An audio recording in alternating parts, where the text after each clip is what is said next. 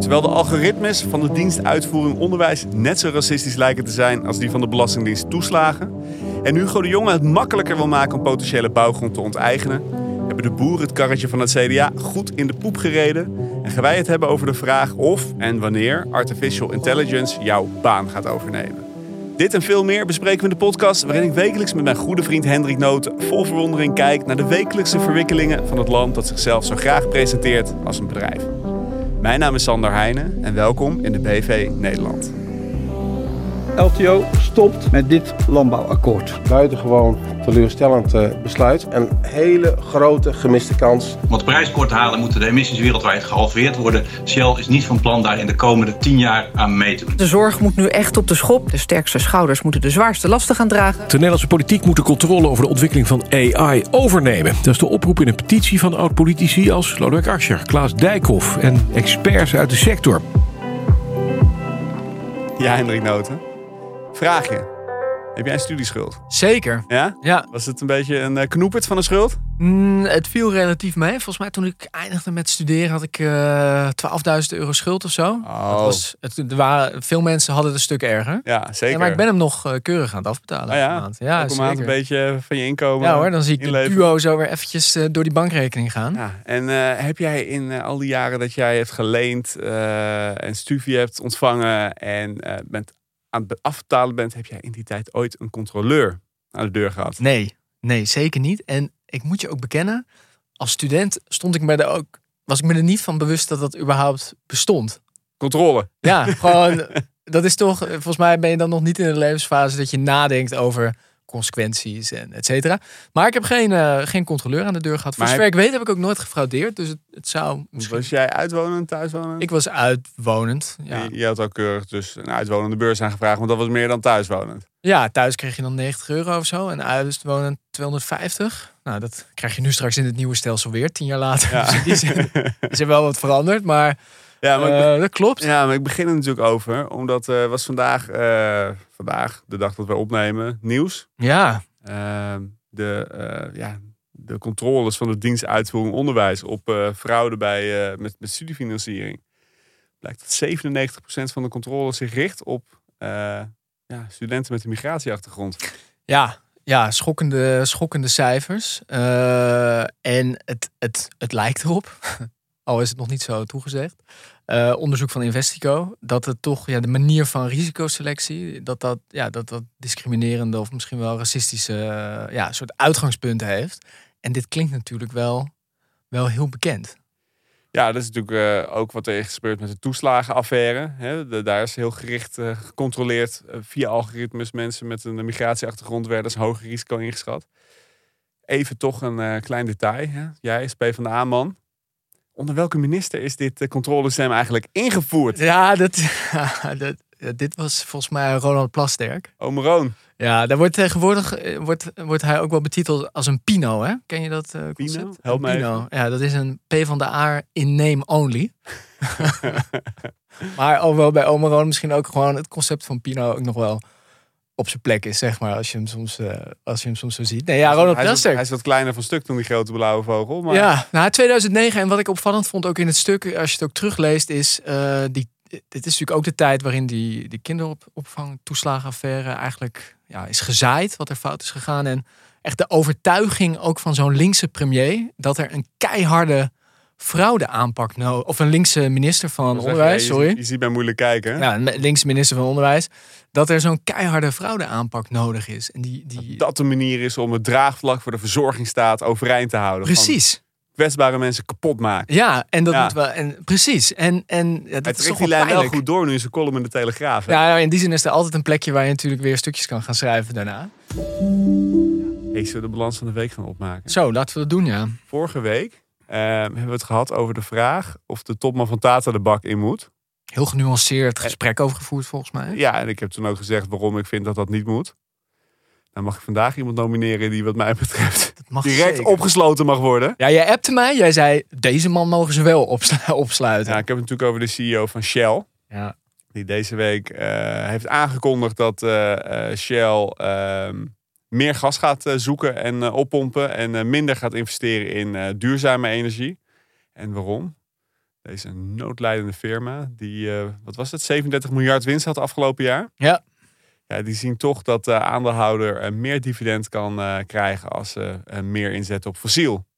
Dus dat is wat hij gaat doen, want hij ziet het als een grote verantwoordelijkheid naar de aandeelhouder toe om eh, de winst op de korte termijn zo hoog mogelijk te maken. Ja, en dit overdrijven we niet. Hij zei zelf letterlijk: we gaan schaamteloos op zoek naar aandeelhouderswaarde. Eh, de afbouw van olie en gas inderdaad stoppen. Ja, dit is wel. Je kan er een beetje op twee manieren naar kijken. Volgens mij manier één is: dit is gewoon een, toch een halve oorlogsverklaring aan iedereen die het iets, iets wil doen voor het klimaat. Zich daar Inclusief, maakt. inclusief de Nederlandse rechter die heeft gezegd dat Shell verantwoordelijk is om zich eh, te committeren aan die Parijsdoelen. Ja, het lijkt er steeds meer op dat ze zich daar gewoon niet te veel van aan gaan Nee, ze hebben de benen genomen naar het Verenigd Koninkrijk. Hè, waar ze na de brexit eh, allemaal niet zo moeilijk doen over, eh, laten we zeggen, ethiek en moraal. Ja. En, en wat is de andere manier om naar te kijken? Nou, je kan er ook echt naar kijken van dit is echt een wanhoopspoging van een industrie die weet dat het, dat het in de eindfase zit. En echt nog zoveel moeite moet doen om die aandeelhouders op korte termijn te pleasen, omdat het lange termijn perspectief er gewoon niet meer is. Ja, want als ze het niet hebben. Nee, dat is er gewoon niet. Dus je moet nu blijven uitkeren Maar om weet nog- je waarom zij dat lange termijn perspectief niet hebben? Omdat ze worden geleid door dit soort fantasieloze eh, types zonder enig voorstellingsvermogen, die we ook schaamteloos moeten demoniseren. Wat mij betreft. Ja, nee, maar, nee, maar even serieus. Ik bedoel, als jij. Ik kan me geen wereld voorstellen waarin we substantieel heel veel minder energie gaan verbruiken. We hebben hoogcomplexe, hoogtechnologische samenlevingen. We zijn met heel veel mensen op kleine stukjes aarde. We hebben gewoon heel veel energie nodig. Er is ook de technologie om dat duurzaam op te wekken, is er ook gewoon. Ja. Kan je ook gewoon in investeren. En Shell is een bedrijf, nou ja, 37 miljard winst vorig jaar die kunnen dat ook gewoon uit eigen zak, kunnen die dat makkelijk financieren. En dan heb je een duurzaam model, zowel economisch duurzaam als eh, klimatologisch duurzaam voor de komende eeuw. Kan je gewoon doen. Het enige is, het rendement op die duurzame energie is in ieder geval op de korte termijn wat lager dan op het oppompen van olie. ja, dat is precies natuurlijk het probleem. Of ja, Maar op de lange termijn heb je een model dat door kan draaien. Dus op de lange termijn kan je voor al die pensioenfondsen en al die anderen die beleggen in zo'n bedrijf als Shell, kan je gewoon garanderen, die belegging bij ons is veilig, want er blijft geld uitkomen als je Ja. duurzaam gaat. In plaats van dat je gewoon de wereld naar de kloten helpt en daarmee ook je eigen verdienmodel om zeep helpt. maar, maar deze man, ja, dit is allemaal waar. En dit weten die lui natuurlijk ook wel. Nou, weten ze dat echt? Ja, natuurlijk weten ze dat. Ik bedoel, die wisten 30 jaar geleden überhaupt al, 40 jaar Hij heeft geleden. helemaal geen, heeft helemaal geen kinderen. Jawel, Dat maar ik denk, hij heeft- wakker wordt en denkt, hoe moet het dan met mijn kleinkinderen straks? Die Ja. ijsberg. Ja, dit, dit, ja. Nee, maar ik bedoel, dit, is toch, dit is toch waar het over gaat. Je wilt besturen, je wilt 10 miljoen per jaar verdienen, je wilt een grote meneer zijn. Ja, er zijn ook grote opgaves waar je grote verantwoordelijkheid voor hebt. ja, En als je daar gewoon voor wegloopt en dan eh, niet verder komt dan... Hè, omdat je het eerder... ehm, nou ja, eerder heb je het een beetje proberen te doen alsof je duurzaam bent. Nou, nu hebben ze gezien van... eh, nou, dan zegt voor- BP doet het ook niet, Exxon doet het ook niet. Nou, dan Dus- gaan wij het ook niet doen. Ja, dat is mijn verplichting naar de aandeelhouders. Ik denk dat hij echt denkt, fuck it. Dus het ik is zie gewoon het een meeloper. Nou, Benedict de Fiek, hè, de advocaat, die eh, opriep om eh, iemand als eh, de top, hoe heet die, Hans van den Berg, de topman van Tata Steel op te sluiten, die daadwerkelijk probeert de fabriek te verschonen. Gaat niet snel genoeg, maar de ambitie is er echt. Hè, die zijn daarmee bezig. En nogmaals, ja, dat zou veel sneller moeten. We hebben het vorige week uitgebreid over gehad. Maar Shell heeft die ambitie ook gewoon überhaupt niet meer. Nee, dus bij deze nomineer jij eh, meneer Sawan, want zo heet hij, de CEO van Shell, als kandidaat nummer 1 om eens lekker als je zijn proefproces, Noor te gooien. als je zijn proefproces wilt beginnen, kijken of je dit in strafrecht kan trekken, dan lijkt me dat wel een, eh, een mooi eh, vertrekpunt. Hartstikke Ja. goed. Oké jongen, dan iets anders. Ik, ik had een soort van flashback naar mezelf, een jaar of acht geleden. ja, lekker zijn die, hè? Flashbacks naar jezelf. Ja, ja, ja. Ik heb toen een boekje geschreven. Dat kwam in 2018 uit. Het kwam vijf jaar geleden uit. Maar ik heb er wel, nou, het heeft twee of drie jaar vertraging toen gehad, het boekje. ging over marktwerking in de zorg. Slecht idee is. Hè? 17 miljoen wachtende voor u, heette het. Nou, inmiddels zijn er 18 miljoen wachtende voor u. Want eh, de bevolking is er weer zo eh, eh, erg gegroeid. Er zijn heel veel mensen, ja, zit je nou te zeuren over die marktwerking in de zorg? Ben je een communist? Eh, weet ik het wat? Dan schetste mijn verbazing eh, deze week. Ehm, eh, de, de Raad voor de Volksgezondheid. Dat was de Raad voor de Volksgezondheid, toch? Nee, Help me de- even. Ja, en samenleving, de RVS. Ja, precies. De RVS. Ja, nee, het staat in het draaiboek als een afkorting. De Raad voor de Volksgezondheid en Samenleving Precies. kwam eh, eigenlijk tot een keiharde conclusie. dat grote groepen Nederlanders niet langer de zorg krijgen waar ze volgens de grondwet wel recht op hebben. En de grote boosdoener is ons zorgstelsel. En dan om preciezer te zijn, de marktwerking in dat zorgstelsel. Ja, want even, zij constateren erin, dat, dat is wel lijp hè, in dat, in dat eh, rapport, dat ze eigenlijk 9% van de mensen in dit land ziet af van een bezoek aan de dokter om kosten te besparen. Ja, dat heeft dan natuurlijk vooral te maken met het eigen risico dat je moet betalen. Ja, Ehm, dus dus dat, dat is schokkend. Eh, maar ook als je kijkt naar wat zij schrijven over hoe dit zorgstelsel in elkaar zit. Ja. Dat er gemeenten zijn met tientallen of meer eh, wijkverplegingsorganisaties bijvoorbeeld. En en ja, zorg moet steeds meer buiten het ziekenhuis worden georganiseerd, want dat is goedkoper. Dan zit er zo'n huisarts in zo'n wijk en die moet dan samen met een wijkverpleegkundige proberen veel zorg op te lossen. Maar zo'n huisarts zit dan met 10 of 20 of wel 50 bureautjes die allemaal met elkaar concurrerend wijkverpleging aanbieden. Oké, dat zijn private partijen die dat doen in die wijk. Private partijen. Maar Dat zijn van, van die kleine oude, van die Fiatjes, eh zijn dat die Fiat 500'tjes? Ja, of zo? ja, ik- zijn allemaal van die kleine BV'tjes die allemaal met elkaar concurreren en niet echt met elkaar samenwerken. En, eh, en zo'n huisarts, ja, dat is niet aan te beginnen om met zoveel partijen samen te werken. Dat gaat gewoon niet. Maar is dat, maar dat ik het begrijp, hoor, want ik vind het altijd super ingewikkeld als het over die zorg gaat. Die huisarts moet eigenlijk met al die private aanbieders een beetje coördineren van, Ja, nou, bij mevrouw Jansen moet je dit doen en daar dat. Uiteindelijk is het vrij simpel. Ja. Als je in een ziekenhuis bent, heb je gewoon een dokter, je hebt verpleegkundigen, er lopen fysiotherapeuten rond. Het zijn allemaal mensen die allemaal iets doen om een patiënt te verzorgen. En dat wordt natuurlijk een beetje gecoördineerd binnen zo'n ziekenhuis. Precies. Nou, het is goedkoper om dat niet in het ziekenhuis te doen, maar dat in de wijk te doen. En dan heb je de huisarts, die heeft dan de leiding. En dan heb je vervolgens eh, iemand die steunkousen aantrekt. Je hebt iemand die schoonmaakt in zo'n huis. Je hebt iemand, misschien ook wel een fysiotherapeut die langskomt. Nou, je hebt allerlei, iemand die eten komt brengen. Gewoon al die dingen die in het ziekenhuis ook gebeuren. Alleen, eh, ja, dat is eh, met die privatisering van de zorg. Zijn dat allemaal losse bedrijfjes die dat allemaal in wisselende samenstellingen per patiënt doen. Dus als je acht zorgverleners hebt rond één patiënt, die alle acht een eigen bedrijfje zijn. Ah, ja, ja. En een huisarts heeft eh, 2000 patiënten in zijn bestand. Wordt een beetje bits coördineren op een En gegeven moment. nou ja, dat is dus niet te doen. Dus Ja, er is ongelooflijk chaos gecreëerd vanuit de gedachte, marktwerking maakt alles eh, efficiënter. Dus de, de Raad voor de Volksgezondheid en de samenleving zegt dus nu ook van ja, we moeten gewoon veel minder marktwerking in dat stelsel hebben, omdat die zorg gedijt gewoon bij samenwerking.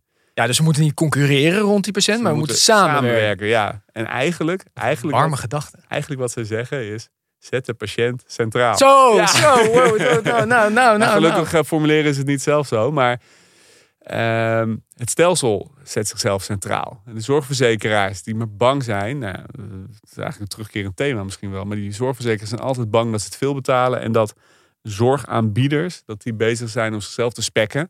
Dus die willen veel concurrentie hebben, want dan kunnen ze altijd de goedkoopste uitzoeken. Precies. Alleen het is Niet overdreven veel tijd voor die steunkous neemt en dat lekker declareert bij de verzekeraar. Ja, precies. En het is dus uiteindelijk, als je gewoon gaat kijken naar wat er op de grond gebeurt voor die patiënt, is het gewoon één grote fucking chaos geworden. Ja. En ehm, nou ja, ik niet om mezelf de borst te kloppen.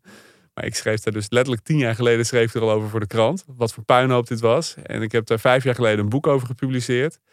En het is nu eindelijk, is het een beetje in die bestuurlijke, zeg maar door die kleilaag van, van besturend Nederland. Eh, zeg maar die types die hetzelfde hebben gestudeerd als jij. Nou, ja, Is dat nu wacht even. Dus jij bent hier de grote ziener in dit, in dit onderdeeltje.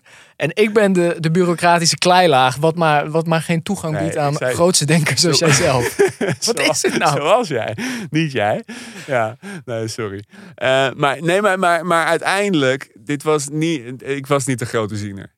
Echt niet. Ik hoefde alleen maar gewoon, het enige wat ik eigenlijk deed, wel toen ik gaan bij de, kijken. Ja. het enige wat ik deed bij de krant, toen ik daar werkte, is gewoon af en toe met iemand praten Ja. die daadwerkelijk werk doet met patiënten. Dus vraag je gewoon eens aan de wijkverpleegkundige van een huisarts, joh, hoe ziet jouw dag eruit? Het enige wat ik heb op, opgetikt. En daar kwam gewoon alles wat je dus nu eindelijk gelukkig ook eh, boven ziet drijven in de, in de rapporten die dan wel eh, misschien hopelijk eh, reden zijn om het zorgstelsel anders in te richten. Maar ik vind het ongelooflijk dat het allemaal zo lang duurt. Ja, wel interessant. En ook wel weer pijnlijk. Daar misschien en dan naar het volgende onderwerpje is dat dan hebben we dat zo veranderd. Dan een paar jaar later komt er eigenlijk is dan nu de brede constatering van ja, het werkt niet. En dit is alweer een soort van voorsorteren op een volgend kabinet. Van ja, begin maar met het, met het terug te draaien, met het weer anders te doen.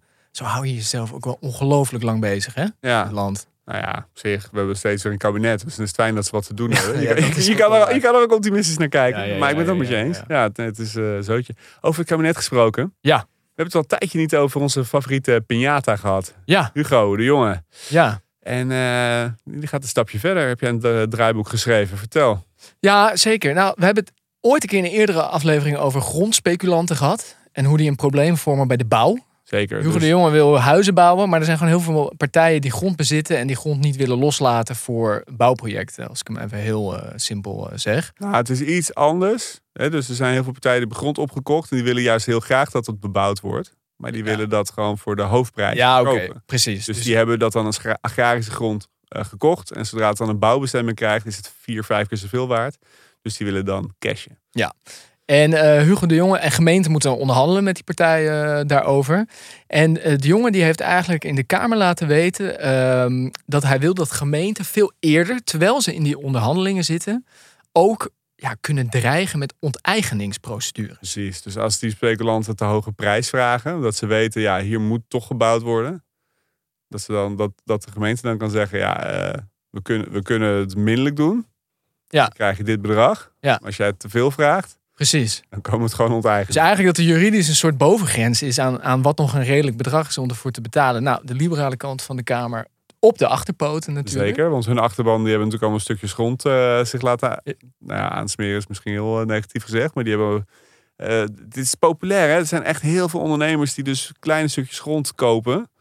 eh, precies met dit doel, hè, om hierop te speculeren. Ja, Het is echt een enorme handel. En, eh, en eh, eh, ja, daardoor is er gewoon heel veel agrarisch grond is in bezit van kleine beleggers, maar ook grote bouwbedrijven. Die hebben ook allemaal grondposities. Ja, dus ik vind het spannend wat hij doet. En eh, ook wel interessant dat hij die strijd echt nu doorzet. Of het gaat werken, weet ik niet. Ik kan het niet helemaal beoordelen. Maar ik ben geneigd om toch weer Hub Hugo te zeggen. Nou ja, één ding kan je wel voorspellen. Je gaat nu die hele vastgoedlobby, zeg maar, die hele grondspeculatielobby, die gaan nu weer eh, inhakken op onze piñata. Ja, hij was al niet populair, hè? Nee, nee.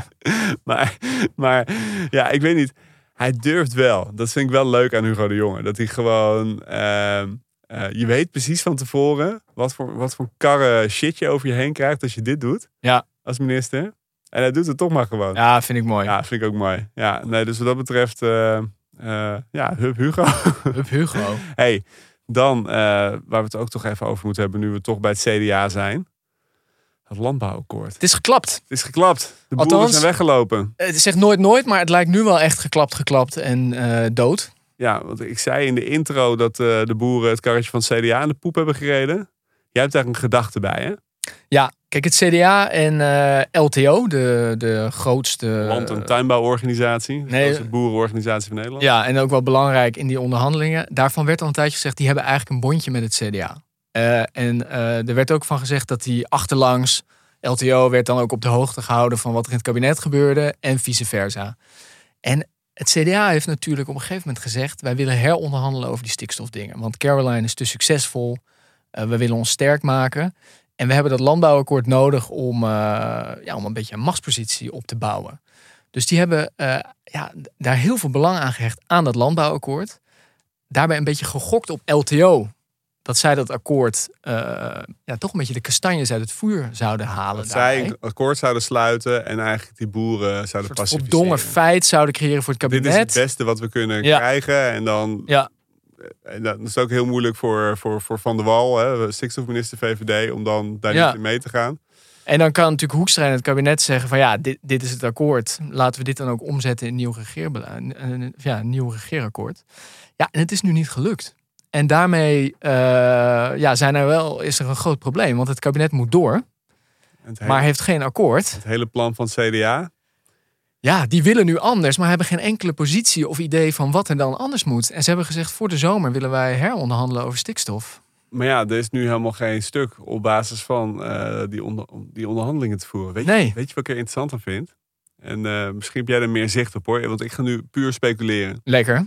Zou het niet zo kunnen zijn dat eh, de andere drie eh, regeringspartijen, D66 natuurlijk sowieso en de ChristenUnie en de VVD, zien natuurlijk ook wel echt dat het gewoon anders moet.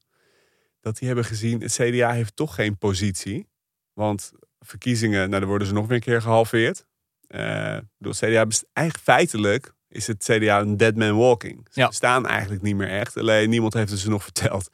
Dus, dus ze, zit, ze zitten er nog wel, maar ze hebben geen positie meer.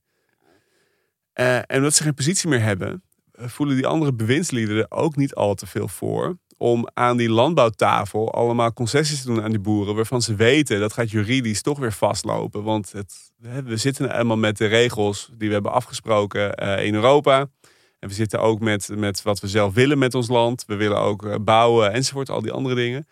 Dat ze denken van ja, weet je, we blijven eh, eh, gewoon inzetten op gewoon het kader waarvan we weten dit is houdbaar, enerzijds. En anderzijds, hè, de partij die in het kabinet probeert eh, zoveel mogelijk die boeren tegemoet te komen. Daarvan denken ze, ja, dat is onze junior partner. Die heeft, weet je, die, die gaan toch niet opstappen. Ja, dat, nou ja, dat, dat laatste, dat is natuurlijk een sterk punt inderdaad. Wat, wat die andere partijen in hun zak hebben. Van, ja, laat het maar klappen nu, maar waar ga je naartoe? Eh, je zit al in de blessuretijd in feite van je, van je eigen bestaan. Nee, ik denk dat je er wel gelijk in hebt. Wat gewoon spannend is, is dat er is nu maar één route over. En dat is dat de regering gewoon zelf moet regeren. Eh, Oeh.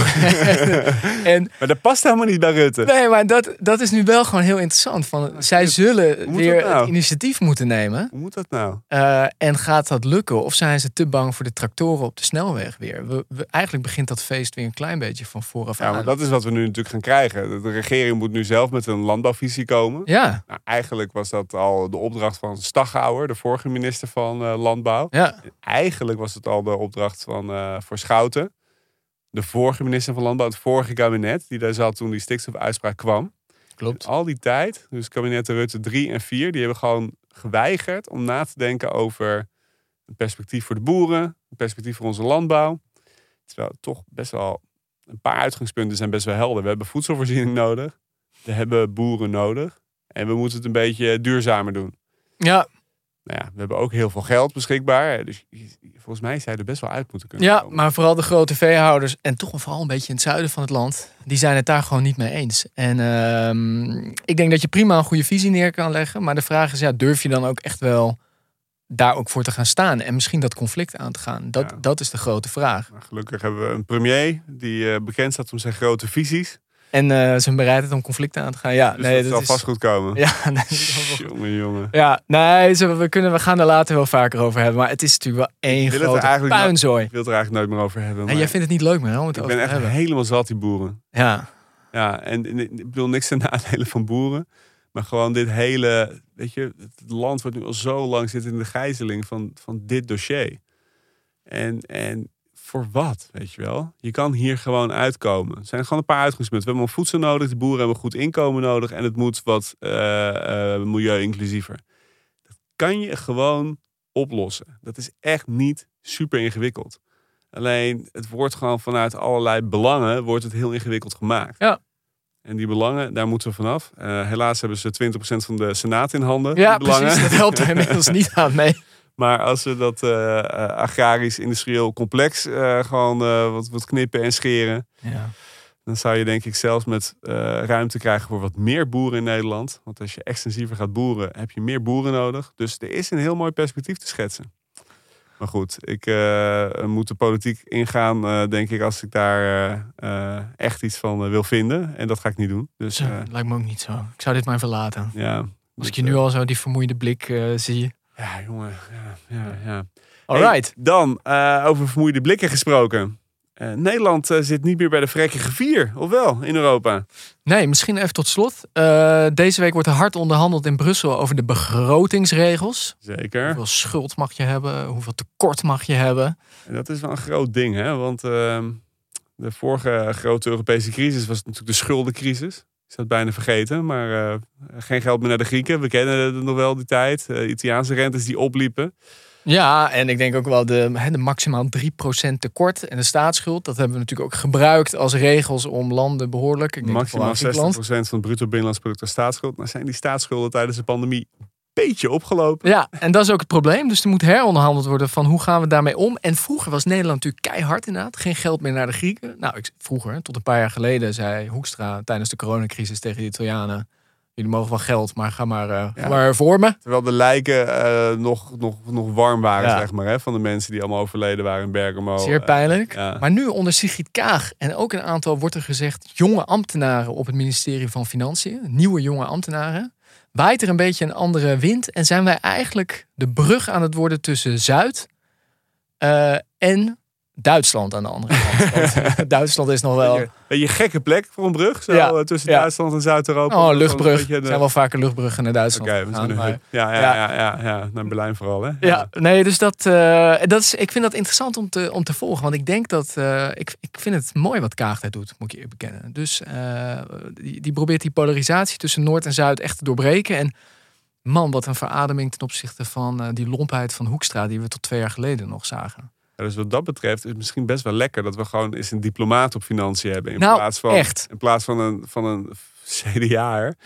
die, die op de een of andere manier denkt dat, dat die, die lompheid verward met, eh, ja, met wat eigenlijk? Ja, het is in die zin wel verontrustend, of zo. wel verontrustend dat die lompheid nu onze hoogste diplomaat is.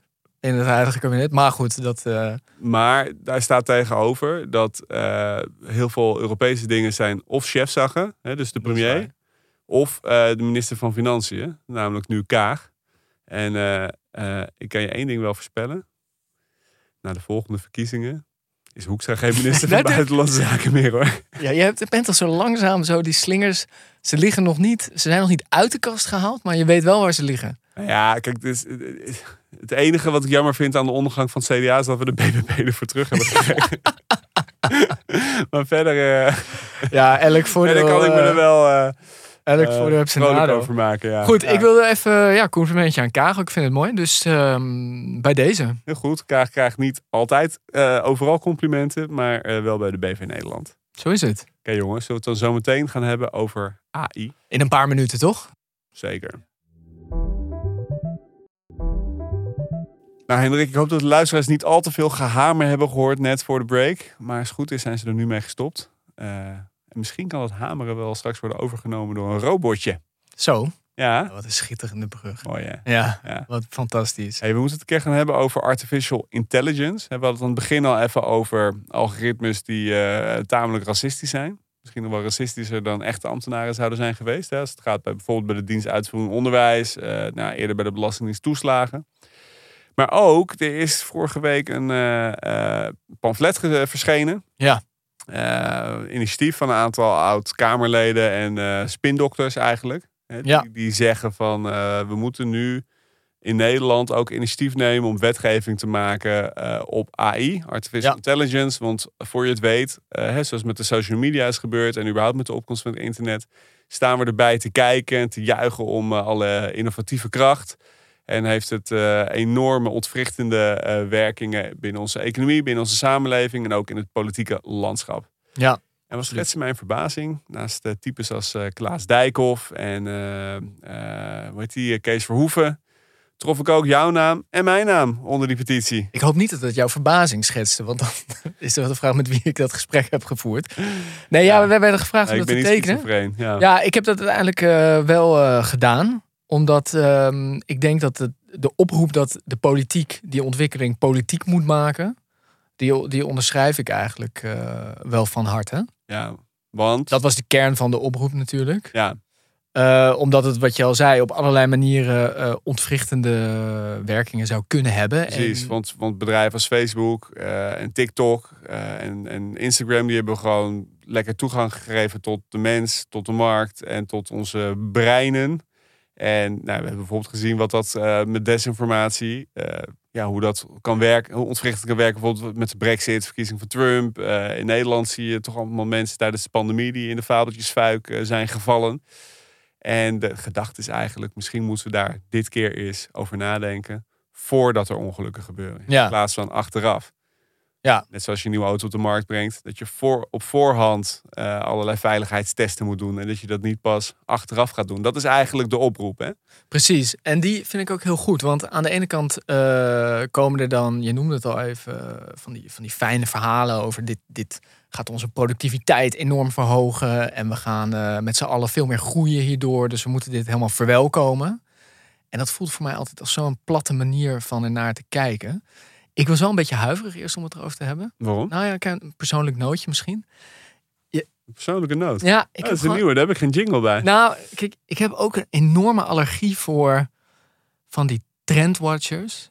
En van die bloggers en, en mensen met nieuwsbrieven. Die heel erg altijd zo'n nieuwe ontwikkeling aangrijpen. Om ongelooflijk te gaan voorspellen aan mensen van hoe ingrijpend het wordt en disruptief. En dit is de ontwikkeling, je moet dit bijhouden. En uiteindelijk is dat maar één reden dat ze willen hè, dat ze het doen. En dat is vooral omdat ze zelf daar een hele hoop geld aan verdienen. Aan op die hype te springen. Ehm, maar bij die petitie ging het volgens mij wel voorbij aan zulke soort hypes. Het ging echt om, om wezenlijke vragen. Dus Het gaat gewoon om, om gewoon, eh, er komt iets nieuws op ons af wat in potentie ontwrichtend is. Dus laten we er gewoon op voorhand eens over nadenken in plaats van achteraf. Nou, Ja. dat Lijkt mij een hele logische, heldere eh, redenatie. Waar ik eh, met liefde mijn, eh, mijn handtekening onder heb gezet.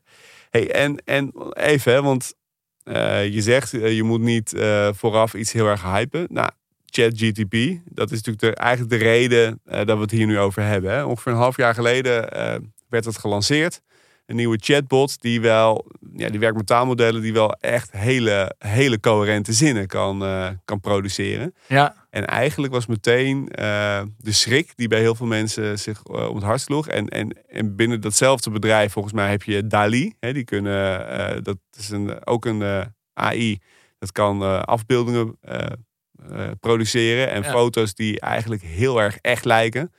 Ehm, en, en eigenlijk de, de, de, de gedachte was, misschien kan iedereen eh, die een creatief beroep heeft, hè, van journalisten, schrijvers eh, enzovoort, eh, tot iets minder creatief, maar ook taalgerelateerd, hè, advocaten, mensen die foto's maken, kunstenaars, al dat soort werk. Eigenlijk iedereen die iets met tekst doet op de een of andere manier of met beeld doet, is misschien wel binnenkort overbodig. had je die gedachte zelf? Nee. Oké, Nee, nee, vol zelfvertrouwen. Nee, eigenlijk niet. Nee, ik moet de computer nog ontdekken die eh, kan voorspellen Die wat jou ik kan ga zeggen. ik weet het zelf niet eens van tevoren.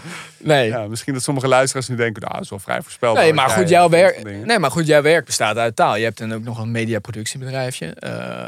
De- ik, ik zou me zo maar kunnen voorstellen dat je zegt, nou, Ik heb wel het personeel eruit geknald natuurlijk. hopla, hopla. Nee. Nee, nee, ik maak me er volgens nog geen zorgen om, eh, eigenlijk. Ehm, maar misschien, ja, het is een podcast, dus ik wilde zeggen, misschien moeten we het niet te persoonlijk maken, maar het gewoon even een beetje aanvliegen. eh, wat gaat er gebeuren? Eh, ik maak me er volgens nog geen zorgen om, omdat ik heb natuurlijk meteen gekeken hoe werkt het en wat kan het en wat kan het niet. En misschien een leuk voorbeeld om te noemen. Er was een, een gerenommeerde Amerikaanse advocaat. Die had een motie ingediend. En dat bleek, eh, die had die stiekem met ChatGTP gemaakt. Maar zo had hij natuurlijk niet gefactureerd aan zijn klant. Maar die, eh, wat had dat ding gedaan? Eh, die had, een, die had verwezen naar niet bestaande jurisprudentie. Dus je hebt, als er eerder door een rechter ergens een uitspraak is gedaan in een zaak van, van Jan versus Piet. Nou, daar, dat heeft dan ook rechtsgeldigheid, want er moet eenheid zijn in het recht. Maar dat model heeft dan wel door van, oh ja, dat is hoe die teksten zijn opgebouwd. Er is een zaak van, van figuur A versus figuur B en er komt wat uit.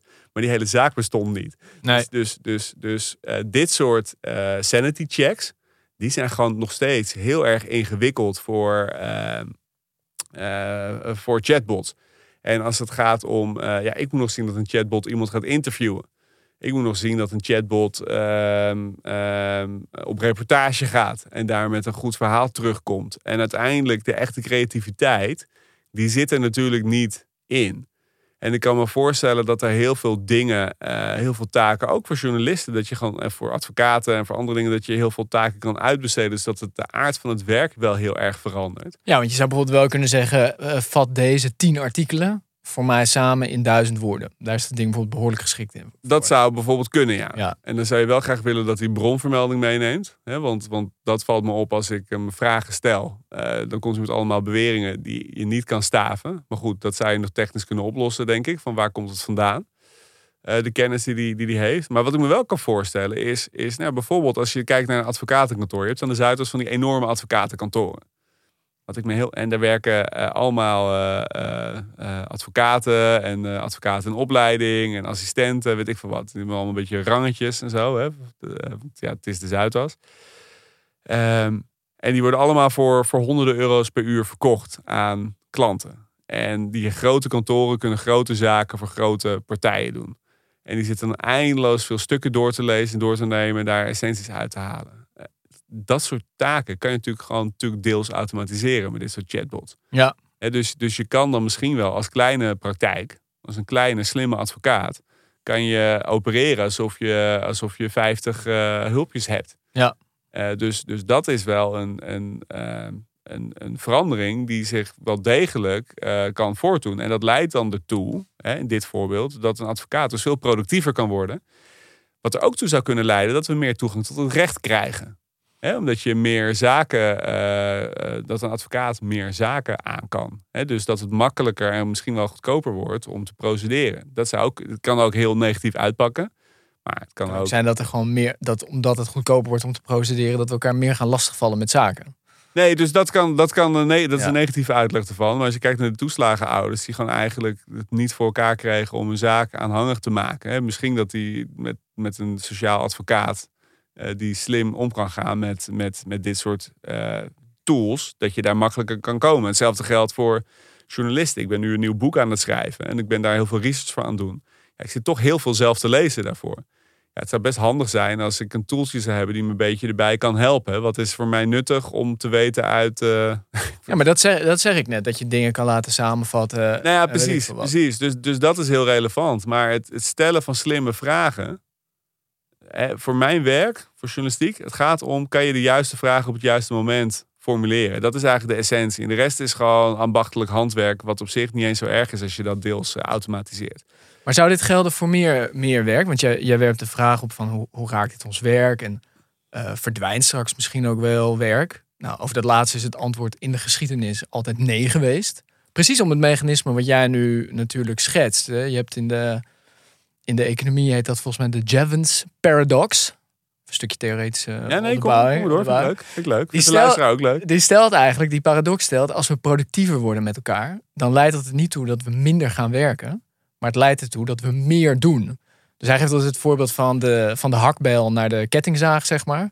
Vroeger kon je per uur één boom hakken, tien uur werk had je tien bomen. Kwam de kettingzaag, kon je in één uur tien bomen omhakken, maar dan gingen we gewoon in tien uur honderd bomen omhakken. Precies. Dus dat is niet zo dat we dan maar één uur gingen werken. In één keer heb je honderd bomen omliggen. Dus het is niet per se vooruitgang. Ja, dit is maar negatieve wordt wel variant. effectief. Ja, ja, ja. ja. En, en, maar dit, en dit is natuurlijk altijd geweest. Eh, eh, zeg maar, technologie, we worden productiever. Ja, verdwijnt er dan werk? Ja, uiteindelijk niet. We gaan eigenlijk gewoon meer doen met elkaar. Nou ja, en als we dan toch kijken naar hoe onze economie er nu voor staat, hè, dan het vind ik toch altijd leuk. Alles gaat de komende decennia om demografie. Hè, dus we hebben een babyboom generatie gehad, die waren echt met superveel. En daarna kregen we de pil. En toen is het geboortecijfer heel erg omlaag gegaan. En daarom hebben we dus nu die enorme vergrijzing. Omdat die babyboomers, die zijn met pensioen nu. En die leven waarschijnlijk nog 20, 30 jaar door. Die zijn met heel veel. En we hebben straks, eh, we hebben nu eh, in 2010 hadden we nog vier werkenden per gepensioneerde. Nu hebben we nog maar drie werkenden per, per gepensioneerde. En de verwachting is dat het over 20 jaar twee werkenden per gepensioneerde zijn. Dus de mensen die werken, die moeten ook simpelweg om ons niveau van welvaart op peil te houden, moeten die veel productiever gaan worden. En daarvoor, we leven in een dienstensamenleving, we werken steeds meer met ons hoofd. En daarvoor is het eigenlijk heel handig dat er tools komen die ons helpen om productiever te worden in het eh, werken met ons hoofd wat wij doen. Dus, dus, dus de aard van het werk gaat misschien best wel veranderen. Maar juist omdat er eh, de komende tijd eh, zoveel druk is om, om productiever te worden, denk ik dat het, als we het goed doen, en daarom heb ik ook de petitie ondertekend, we moeten er op voorhand goed over nadenken Ja, we hoe we het wel en niet willen inzetten. En Ja. ook eh, wie er mag profiteren van die productiviteitsgroei. Ja, want dat is natuurlijk een tweede vraag die wegkomt. Als we steeds meer werk eh, uitbesteden aan machines. Ja, maar wacht even, wacht even, wacht even. Sorry. Dan moeten we eerst een Nou, puntje. Eerst gaan we een puntje zetten. Dan gaan we zeggen, eh, het werk verandert wellicht. Maar hele grote doembeelden over eh, dat werk verdwijnt en dat we allemaal vervangen worden door robots. Persoonlijk doe ik daar niet aan mee. En volgens mij jij ook niet, toch? Nee, dat is nee, punt één. Wil niet zeggen dat eh, wij wel heel hard gaan werken en dat andere mensen daar heel erg van gaan profiteren. En dat is volgens mij punt twee waar je wel naartoe wil. Nou, precies. Want het kan ons heel erg helpen, maar de vraag is wel, wie is er aan de macht van die, van die systemen? Precies. Precies, want dat is inderdaad het tweede punt. In het verleden hebben we eigenlijk altijd gezien als productiviteitsgroei. Enerzijds leidt het wel natuurlijk een beetje tot betere inkomens voor de mensen die werk doen. Ja. Maar anderzijds, neem een autofabriek als voorbeeld. Hè. In die eerste lopende bandfabrieken van, eh, van eh, Henry Ford werd ook vrijwel alles door mensen gedaan. Moderne autofabriek zijn toch voornamelijk robotjes die dingen assembleren. En dan staat er her en der staat er nog een operator met een laptop die de boel een beetje monitort. Hè. Ja. Beetje gechargeerd, maar dat is ongeveer hoe het is. En die robotjes, die zijn niet van die werknemers. Het is niet zo dat die werknemers dat eh, de eh, loon krijgen wat eh, eerst naar die robotjes, of wat nu naar die robotjes zou kunnen gaan. Dat blijft gewoon bij die werkgever, dat blijft bij het kapitaal. Dus de verdeling tussen arbeid en kapitaal wordt eigenlijk wel weer een hele relevante discussie. Juist nu voor mensen die tot nu toe eigenlijk niet zo'n last hebben gehad van automatisering. Namelijk de mensen die met laptops werken, die met hun hoofd werken, die misschien ook wel voor artsen. Hè, Ja, dus de macht van een paar. Dus de, de, de vraag is van wie, wie beheerst die systemen en hoe machtig zijn die? Is dat straks maar één bedrijf wat alles beheerst in, in het land? En zijn we daarmee super afhankelijk van het Ja. bedrijf? Die is relevanter dan ooit. Wat ik wel gek vind is ehm, bij ehm, eh, heel veel andere sectoren, zoals bijvoorbeeld eh, de medicijnen, ik noem maar wat. Daar zijn we daar heel streng op met elkaar. Ja. Je mag niet zomaar een pilletje te markt Precies, je mag niet zijn tien zomaar... jaar lang bezig om, eh, om goedkeuring te krijgen. Exact, want Want een van de redenen is dat pilletjes zo duur zijn. Ja, oké, maar, maar, maar we vinden het ook soms wel fijn dat er niet allerlei eh charlatanerie de markt op wordt Zeker. gebracht. Nee, de, de, de, eh bont tegen kwakzalverij eh, ben je wel heeft- fan heeft van, toch? nut. Ja. Precies. maar zou je niet ook bij die techbedrijven, en zeker als het ook op AI gaat, ook daar als overheid dan veel meer over na moeten denken? Van waarom, waarom gooien wij die markt gewoon open? Als we aan de ene kant constateren, ja, het is heel nuttig, maar aan de andere kant ook, het kan super ingrijpend zijn. ja, dat is natuurlijk echt de grote vraag. Geen kwaliteitseisen, geen de- dat, dat moeten die bedrijven allemaal zelf maar reguleren. Ja, nou ja, eh, kijk, we hebben natuurlijk eerder gezien met bedrijven als Uber, dat werd heel erg verwelkomd. Van, oh, ze zijn zo innovatief. En het, Oh, Mark, je moet echt deze jongen ontmoeten. Quote eh, Nelly Kroes. Ja, precies, ja. Hij is helemaal de nieuwe Steve Jobs. Ja, ja. En, en dat wordt dan als iets goeds eh, gezien. Ja, dat is natuurlijk heel erg. Maar je maakt jezelf als democratie gewoon heel erg kwetsbaar. Want je moet gewoon over nadenken. Oké, dus er is iets nieuws. Eh, is het veilig? Op zich een relevante vraag. Hè? Je zegt terecht, bij medicijnen doen we dat. Nou, ik zei eerder, bij auto's doen we dat ook. Ja, bij, bij technologie, bij algoritmes hebben die vraag veel te weinig gesteld. Nou, daarom zitten we met eh, dat zo'n zo'n duo, terwijl niemand dat echt bedoeld heeft, hè, de dienst uitvoerend onderwijs, niemand heeft bedoeld om zo te discrimineren in die fraudecontrole. Daar geloof ik allemaal niks van. Maar het is wel gebeurd. Omdat we niet goed hebben nagedacht over hoe werkt het, wat kan ermee en wat zijn de risico's. En je kan dit natuurlijk op nationale schaal. Stel je even voor dat China kwade bedoelingen heeft met TikTok. En stel je voor dat China het niet leuk vindt dat wij democratieën zijn en dat ze hier eh rotzooi willen stoken. Die hebben via TikTok eigenlijk onbeperkt toegang tot de breinen van onze kinderen eh, en jongeren. En daar kan je wat mee. Dat heeft, daar gaat heel veel macht en invloed van uit. En dat zie je pas als het te laat is dat dat misgaat. En, en, dus dat is het grote risico. Eh, en daar, ja, daarom moet je er over nadenken. Precies, dus het gaat om, om wie gaat erover, wie verdient eraan, dat is wat je zei. Maar het gaat dus ook heel erg over wie bepaalt welke informatie ons gevoed wordt. En de informatie op basis waarvan we straks misschien wel veel meer gaan werken met elkaar. En, dus dat welke raakt, informa- en welke informatie ons onthouden wordt. onthouden wordt. En wie er inderdaad als risico wordt, eh, wordt ehm, eh, bestempeld. Ik vond het ook interessant. De Groene had daar een onderzoekje naar. Investigo ook weer een tijd geleden. Dat bijvoorbeeld eh, ChatGPT voor een belangrijk deel ook informatie haalt uit complotsites. Uit antisemitische websites. ja. Dat weet je niet. Maar het systeem gebruikt dat om zelf te leren. Dus, hè, en spuwt dat vervolgens in een andere vorm Precies, weer want Het uit. systeem herkent dat niet per se als dat het kwaadaardig is. Want die weet niet Hij wat heeft geen goed moreel of kwaad kompas. is. Nee, hij heeft geen moreel kompas. Nee. Die ziet gewoon tekst. Ja. Die ziet gewoon tekst. Dus als jij eh, een werkstuk maakt over het fascisme... eh, dan kan je zomaar opeens een eh, pamflet schrijven voor het fascisme. ja, zou- nee, dat kan zomaar gebeuren. Dan zou ik overigens fijn vinden als er nog een docent is die wel doorheeft. Hmm, hier gaat iets niet helemaal goed. Zeker, of ik, zeker. of ik moet maar- nu een goed maar- gesprek met de ouders gaan hebben. Nee, maar, maar, maar dat is natuurlijk, dat is Nee, natuurlijk tuurlijk. waarom, waarom je erover na moet denken van tevoren. Ja. Ik vind het trouwens wel leuk. eh de Economist heeft in kaart gebracht. eh, eh, het is nu een half jaar op de markt. ChatGPT en Dali volgens mij al iets langer. Die hele angst dat het tot banenverlies gaat leiden. Eh, het is nu een half jaar bezig. Dus het is nog wel vrij prematuur natuurlijk. Maar je kan er al wel iets over zeggen. En tot nu toe is er helemaal niks dat erop wijst dat er door mensen hun baan verliezen. Ja. Dat is dus nog- vooralsnog absoluut niet aan de hand. Ja. Dus dat is misschien toch ook wel hoopgevend om even te noemen in deze discussie. Dus, Zeker. Dus de grote angst eh, van we worden allemaal broodloos. Ik denk dat die.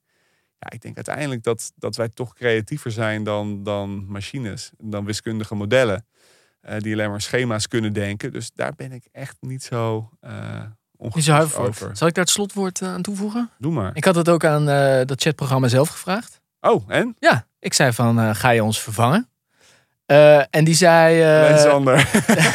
die zei. Nee, die zei dat zal niet gebeuren, want het zal eerder samenwerken en veranderen en, en mensen ondersteunen in taken zijn, waardoor er ruimte staat voor nieuwe soorten, ruimte ontstaat voor nieuwe soorten werkgelegenheid. Hij gaf me een heel correct antwoord. Ja, hij heeft ook een handboekje persverlichting. Ja, zeker. Maar ik dacht, ja, ik heb je door. Ik, ik, kan je, dit kan zomaar, zo, zo praten Shell ook altijd over duurzaamheid en dat soort termen. Ja, ik denk, in het verleden. Ik denk als je vraagt waarom ga je ons wel vervangen, dat je net zo'n mooi antwoord krijgt. Zeker. Ja. ja. Alright. Oké okay, jongen, uh, dan ben ik heel benieuwd. Toch eigenlijk het hoogtepunt van mijn week. Uh, de reacties van luisteraars. Ja, nou, wij kregen een reactie, maar dat klopt niet. Jij kreeg een reactie. En uh, jij werd namelijk aangesproken op dat we ja, misschien iets te hard. Ja, was het naar aanleiding van Annemarie Jorritsma? Je moet even vertellen wat er gezegd werd. Nou, ik uh, kwam, uh, ik kan ik best zeggen, Splinter Chabot tegen. Die luistert ook naar onze podcast. Even name droppen. Ja, ik kwam hem tegen op een podium ergens. Waar ik ook iets. Tuurlijk. Ja, ja, ja, zo gaan die dingen. Ja, in de grachtgordel. Ja, ja, ja, waar ja, anders. Ja, ja, waar anders.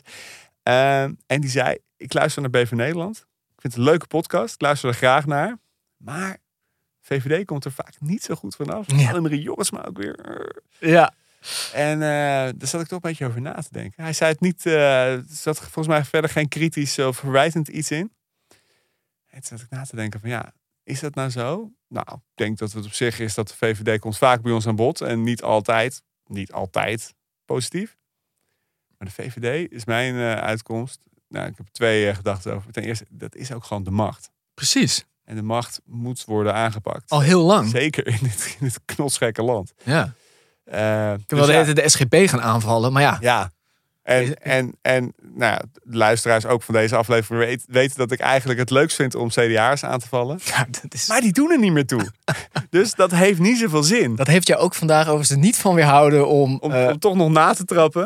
En hetzelfde geldt voor de Partij van de Arbeid. Kijk, als de... Waar je ook niet mals voor bent, laten we even eerlijk zijn. Hoe vaak jij wel nog niet over Rutte 2 begint. Dat bedoel ik. Dat bedoel ik. Ja, het is, het is dat we bijna aan het einde zijn van deze aflevering. Nee, dit was ook geen uitnodiging. Nee. nee, nee, maar uh, uh, ik vind het toch goed om het even erover te hebben. Ik ben gewoon heel kritisch op de macht. Ongeacht wie de macht is. En dat is, uh, ik, ik stem ook eigenlijk altijd op een partij die niet de macht is. Uh, ongeacht wie de macht is op dat moment. Al is dat uh, steeds consistenter uh, wel rechts in dit land, eerlijkheidshalve.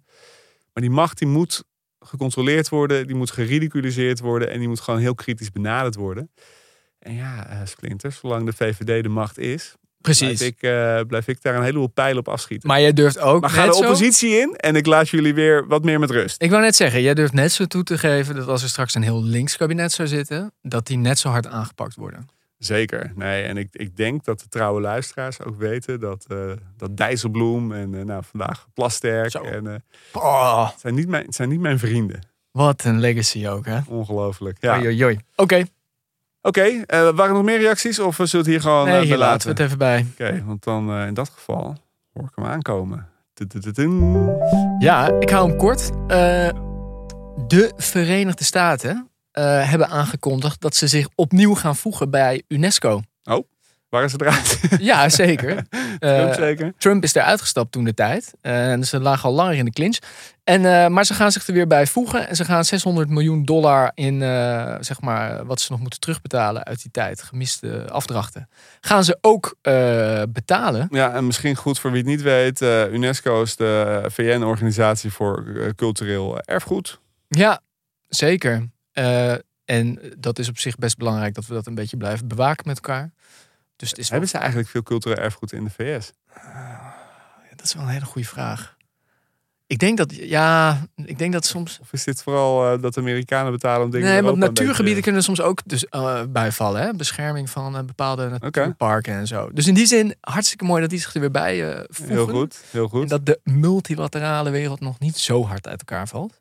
Vooralsnog. Ja, volgens nog. En dan straks zit er weer een nieuwe president. En die zegt weer van... eh, nou, ik vind het toch niks. Ik vind het een beetje duur. Maar dit is de vrolijke noot. Fijn nieuws deze week. Ja, heel goed jongen. Nou, dan, eh, dan eh, laten, we, laten we dit gewoon omarmen met elkaar. En dan gaan we over tot, tot de afsluiting van deze uitle... eh, het, het is wat tijd. Het is die warmte zo lang op mijn hoofd. Geef hem maar aan mij. Dat slaat eh, op mijn tong. Maar Hendrik, hoe sluiten we ook weer altijd af? Dank voor het luisteren. Volgende week, volgende week zijn we er weer. Heb je ondertussen eh, vragen of opmerkingen? Mail dan even bvnederland.creator-podimo.com. Ook in de show notes zoals altijd.